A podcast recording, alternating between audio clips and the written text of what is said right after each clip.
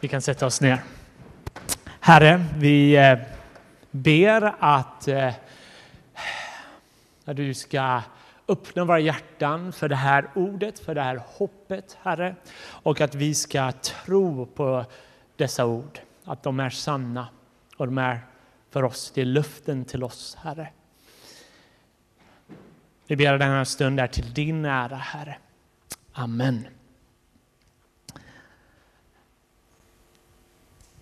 Låt mig börja med en fråga till dig. En fråga till dig som är kristen så sett. Har det varit utmanande för dig att vara kristen? Har det varit svårt ibland eller ofta? Har det varit till och med eh, uttröttande? Jesus kallar oss till en mängd av saker som är radikalt. Jesus kallar oss till ett nytt liv, till helhet, till renhet. Eh, där han kallar oss att säga nej till saker som vi kanske vill säga ja till. Eh, att följa Jesus kan vara utmanande i det här samhället. Det kan vara utmanande bland våra vänner, bland våra kollegor.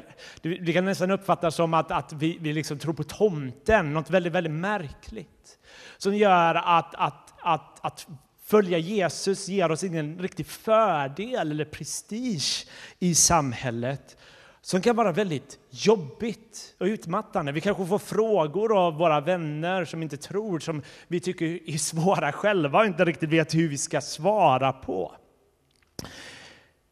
Så en helt legitim fråga att kunna ställa sig är, är det värt det att följa Jesus? Är det värt det? Har du gjort matten, försökt räkna ut utifrån saker som är utmanande och glädjen av att följa Jesus? Är det värt att följa Jesus, att navigera om våra liv, våra hjärtan i linje med vad han vill? Eller är det bättre att bara göra det bästa av situationen, att leva i världen så väl vi kan? Så min fråga till ditt inre just nu är, är det värt det? Och jag tror inte det finns någon skam att ställa den frågan. Jag tror nästan du borde göra det några gånger i ditt liv. För jag är övertygad att Paulus, som vi läste, det är Paulus som har författat texten, har ställt just den frågan. Han gjorde det faktiskt i texten vi hörde. I början av texten, i vers 18, så står det så här. Jag menar att den här världens lidande det svenska ordet vi har här som, betyder, som, som står menar i våra översättningar, det, det kommer från ett grekiskt ord här som heter 'logitsomai'. Det är där vi får ordet logi, logistik ifrån. Och vid Jesu tid så betyder det här ordet att, att det är en matematisk term. Att räkna ut, att räkna ut någonting. Eller att tänka igenom någonting. Att ha landat i en slutsats efter att ha övervägt något. Det är vad ordet betyder. Och det är som att Paulus börjar med sin text att säga Jag har gjort matten. Jag har räknat på saken. Jag har faktiskt övervägt. Och Paulus, bättre än kanske de flesta som har vandrat på den här jorden, vet om kostnaderna av att följa Jesus. I Andra Korinthierbrevet 11 så gör Paulus en märklig lista där han listar upp all skit han har varit med om.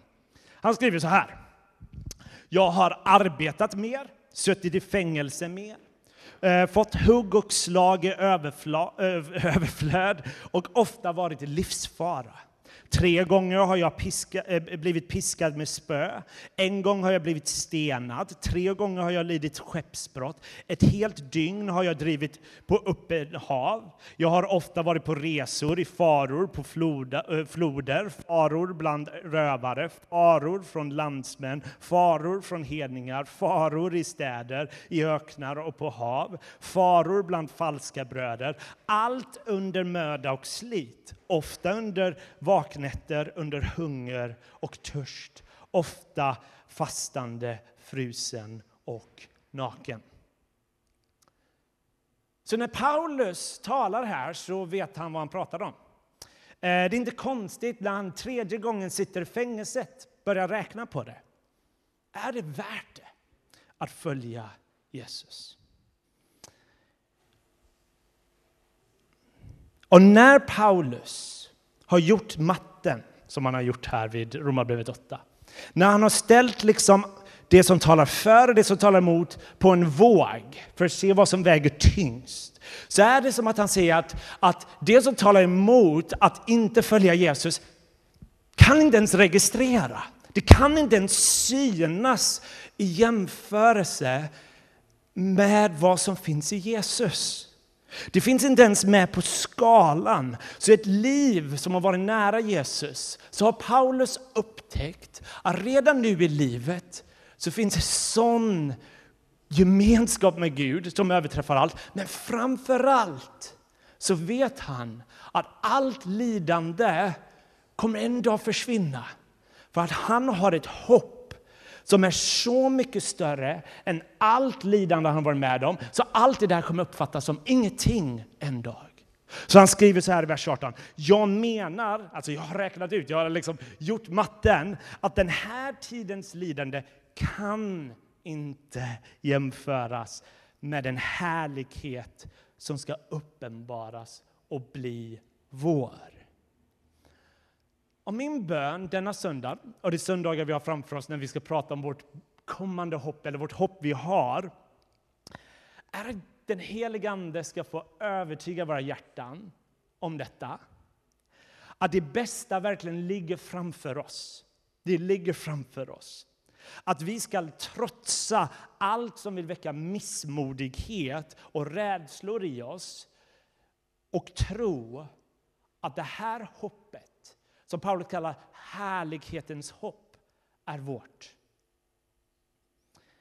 För Paulus vill prata om att Gud ska göra någonting så stort så det enda som kan jämföras med det är som skapelse ur ingenting.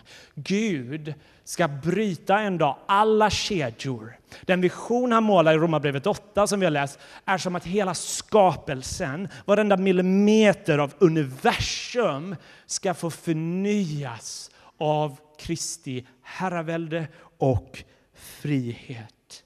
En dag ska alla tsunamis försvinna, aids ska försvinna, cancer ska försvinna, krig ska försvinna, brustna hjärtan ska försvinna, tvivel ska eh, försvinna. Eh, och vi ska få lära oss att mer kan bli helat än vad vi vågar tro på. Att när vi tror på Jesus så finns det ett beskydd och ett löfte för vår framtid.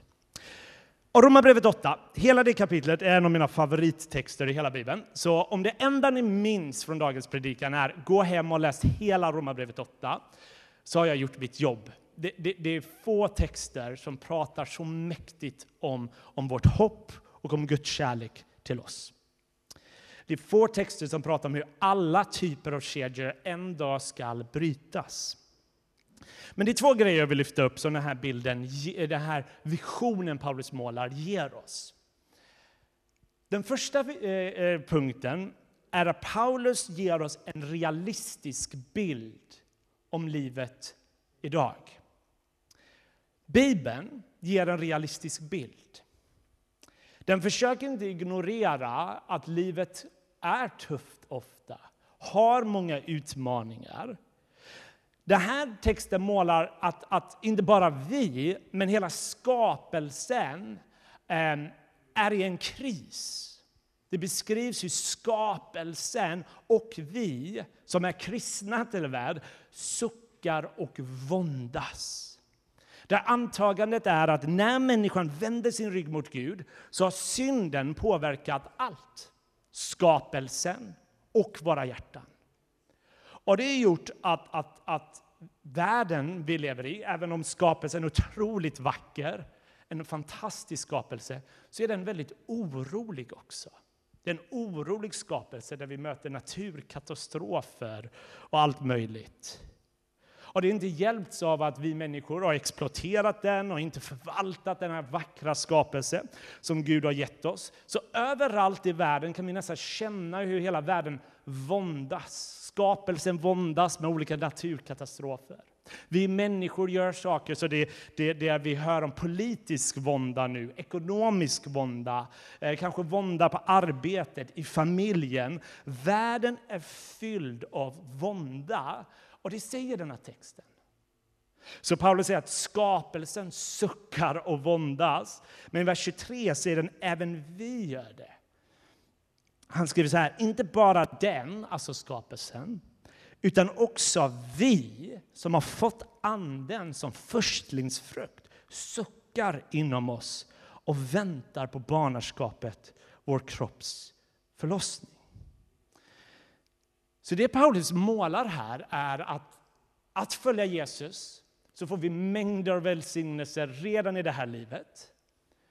Men det kommer fortfarande vara spänningar i våra liv, begär som vill åt olika håll, som inte helt får full befrielse eller klarhet i, den här livet, i det här livet, oavsett vad vi gör.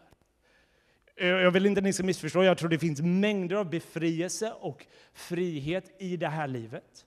Men Paulus vill också säga att det finns saker som bara kan få sin fulla frihet i framtiden. Att det bästa ligger framför oss. Han vill få oss att veta att vissa begär, som kanske vill åt olika håll, är ibland normalt bland kristna. Men han vill ge ett löfte att det kommer att förändras. Så det första romabrevet ger oss är, är, är liksom en realistisk bild över våra hjärtan, över vår skapelse. Skapelsen är orolig, vi har oro i oss. Men han vill få oss att blicka framåt mot det han kallar härlighetens hopp. För anledningen Paulus kan göra matten och landa i att, att det är ingen match liksom, om man ska följa Jesus eller inte är delvis, tror jag, någonting han inte lyfter upp i texten, men som, som är sant, att han har upplevt Guds kraft och tröst och läkande kraft i det här livet. Men han vill, som jag sa innan, få oss att titta framåt. Och hopp. Hopp är någonting som jag tror vi människor inte kan leva utan. Och när vi kollar runt i världen alltså utanför kyrkan, så tror jag det finns väldigt få ställen där man kan faktiskt finna hopp. I vårt samhälle så har man väldigt få grejer att hänga upp i granen. När man pratar om klimatkris, när man pratar om krig, så har vi svårt att finna ett trovärdigt hopp. Vi vet inte vart världen är på väg. Vi vet inte riktigt hur klimatsituationen eh, kommer påverka. Och eh, jag läste lite av den eh, sekulära, icke-kristna regissören Woody, inte Woody Harrelson, Woody Allen, där blev det rätt. Woody Allen. Han pratade om hur lite hopp han känner. Varför? Jo, för döden finns, sa han.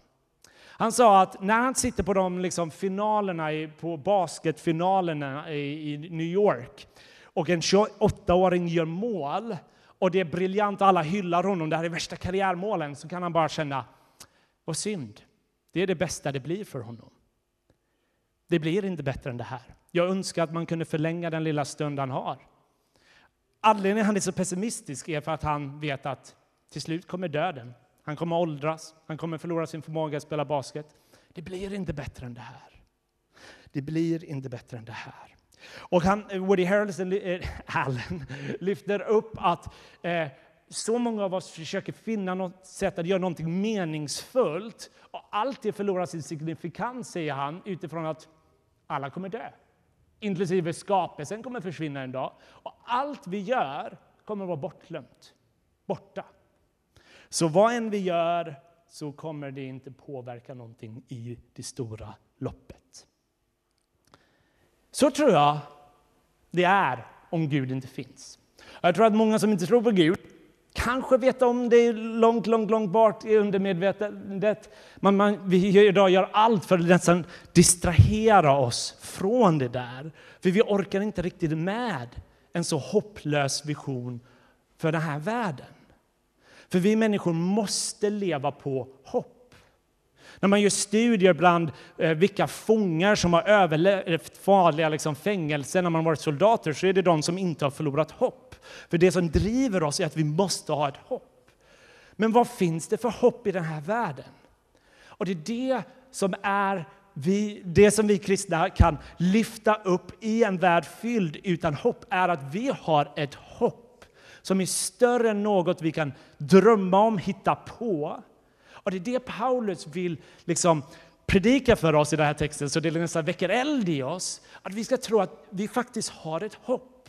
Ett hopp som innebär att hela skapelsen ska få räddas. Hela skapelsen ska få befrias. Allting kommer få sin befrielse. Inte en centimeter eller millimeter kommer undgå Guds befriande kraft i den här skapelsen. Vad ögat inte har sett, vad örat inte har hört och människans hjärta inte anat, det har Gud berättat åt dem som älskar honom, skriver Paulus i en annan text.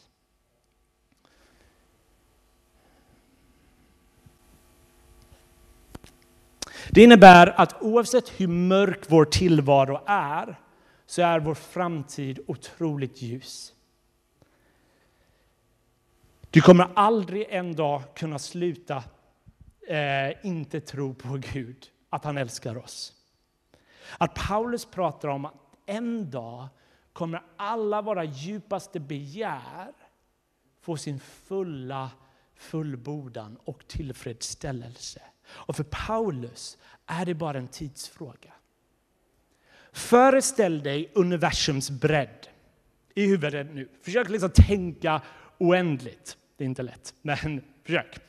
Föreställ er universums bredd med flera triljoner stjärnor som brinner mycket mer intensivt än solen till och med. Miljarder galaxer, stora vackra färger, allt det där är så otroligt stort. Men i jämförelse med Gud är det där någonting som inte ens kan jämföras med honom.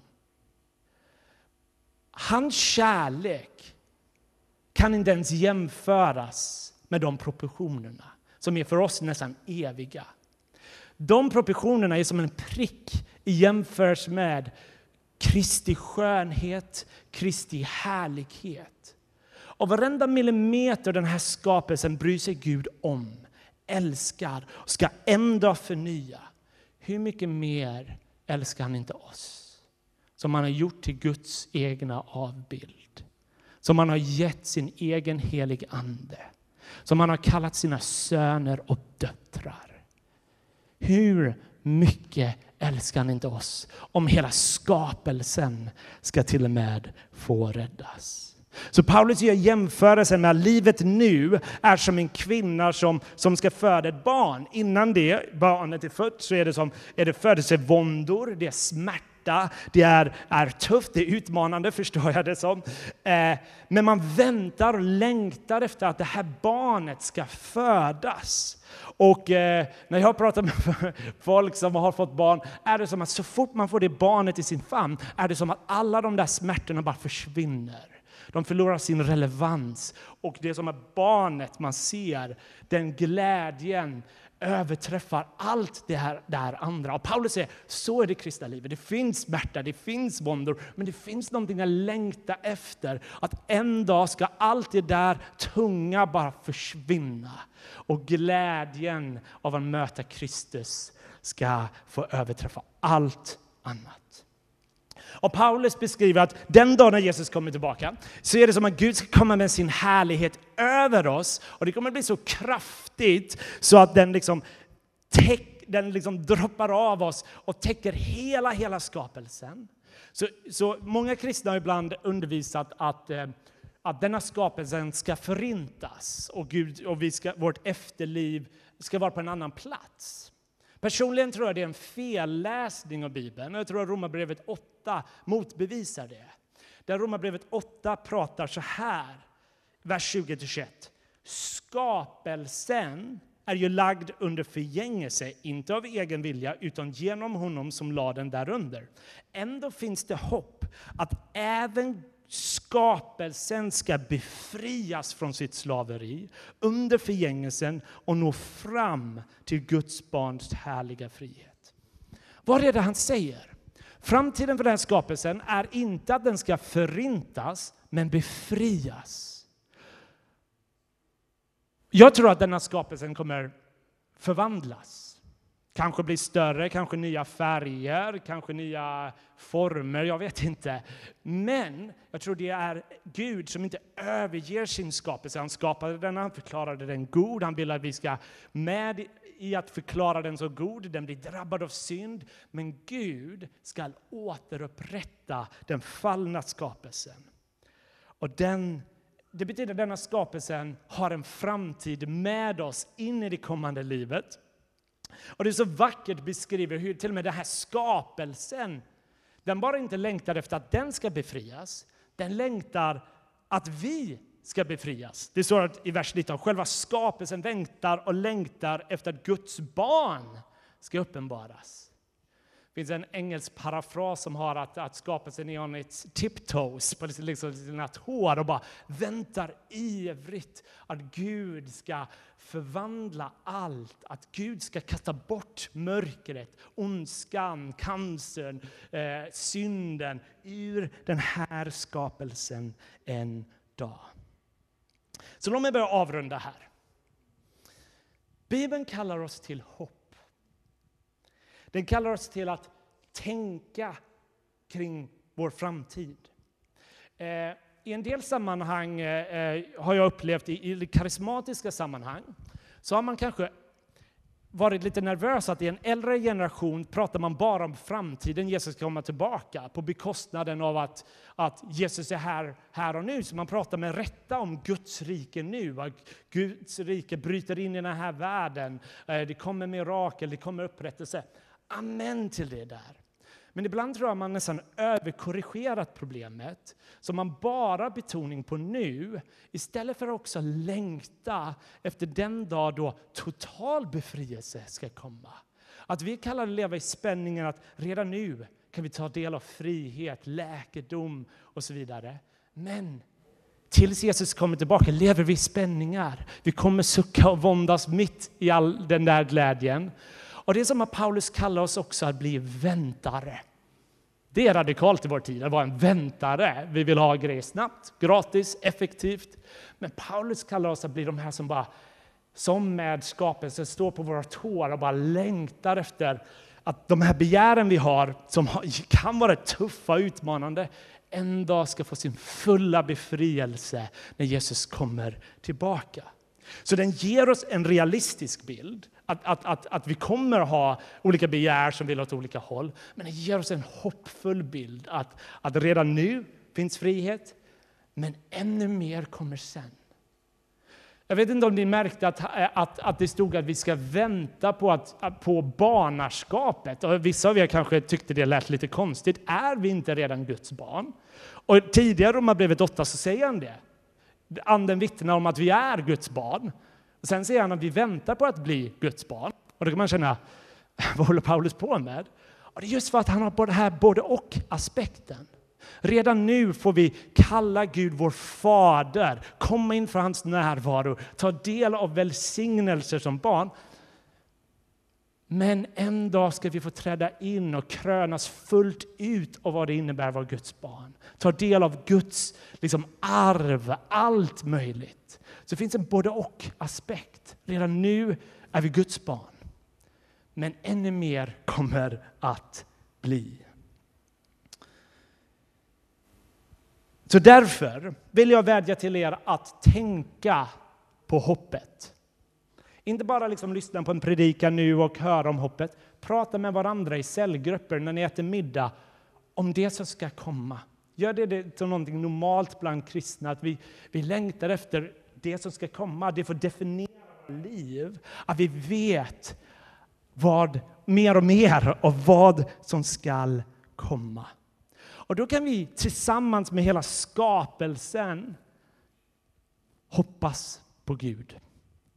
Eh, I Gamla testamentet, i salmer kan man höra märkligt språk där det beskrivs hur, hur skapelsen längtar att Gud ska komma. Det beskrivs hur träden ska klappa sina händer, himlen ska glädja och jorden ska fröjda sig, marken ska jubla. Och det är som att den ger bilden av att skapelsen är i extas över att vår Gud ska komma och stoppa ondskan, döma ondskan och rädda oss.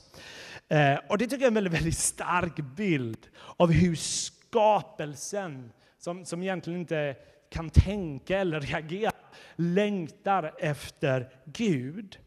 Så om skapelsen till och med anar hur ljuvligt det kommer bli, återigen vill jag säga, hur mycket bättre blir det inte för oss som är hans barn? Så om du försöker kalkylera om det är värt att följa Jesus, Fundera på vilket annat hopp kan ge någonting som är bättre än det Jesus ger. Och min vädjan är att vi ska tro på Guds löften. Att Jesus har sagt i Johannes 16, detta har jag sagt för att ni ska ha frid i mig. I världen får ni lida, men var inte oroliga. Jag har besegrat världen. Låt oss be att det här hoppet ska väckas i våra hjärtan. Herre, vi tackar dig att du är god. Du är Herren över skapelsen och Herren över våra hjärtan, Herre. Herre, du ser om vi är oroliga, trötta. Herre, vi ber att du ska väcka hopp i oss. Hopp om härligheten som är framför oss, Herre. Herre, vi ber att eh, du ser eh, de bekymmer som vi har i våra hjärtan, oro vi har i våra hjärtan, Herre. Vi ber om läkedom i våra hjärtan här och nu, men också hopp om att vår framtid är otroligt ljus, att våra liv är värda att leva. De är värda att leva. Så Herre, så ber vi att din glädje ska få falla över oss, Herre. I Jesu namn ber vi. Amen.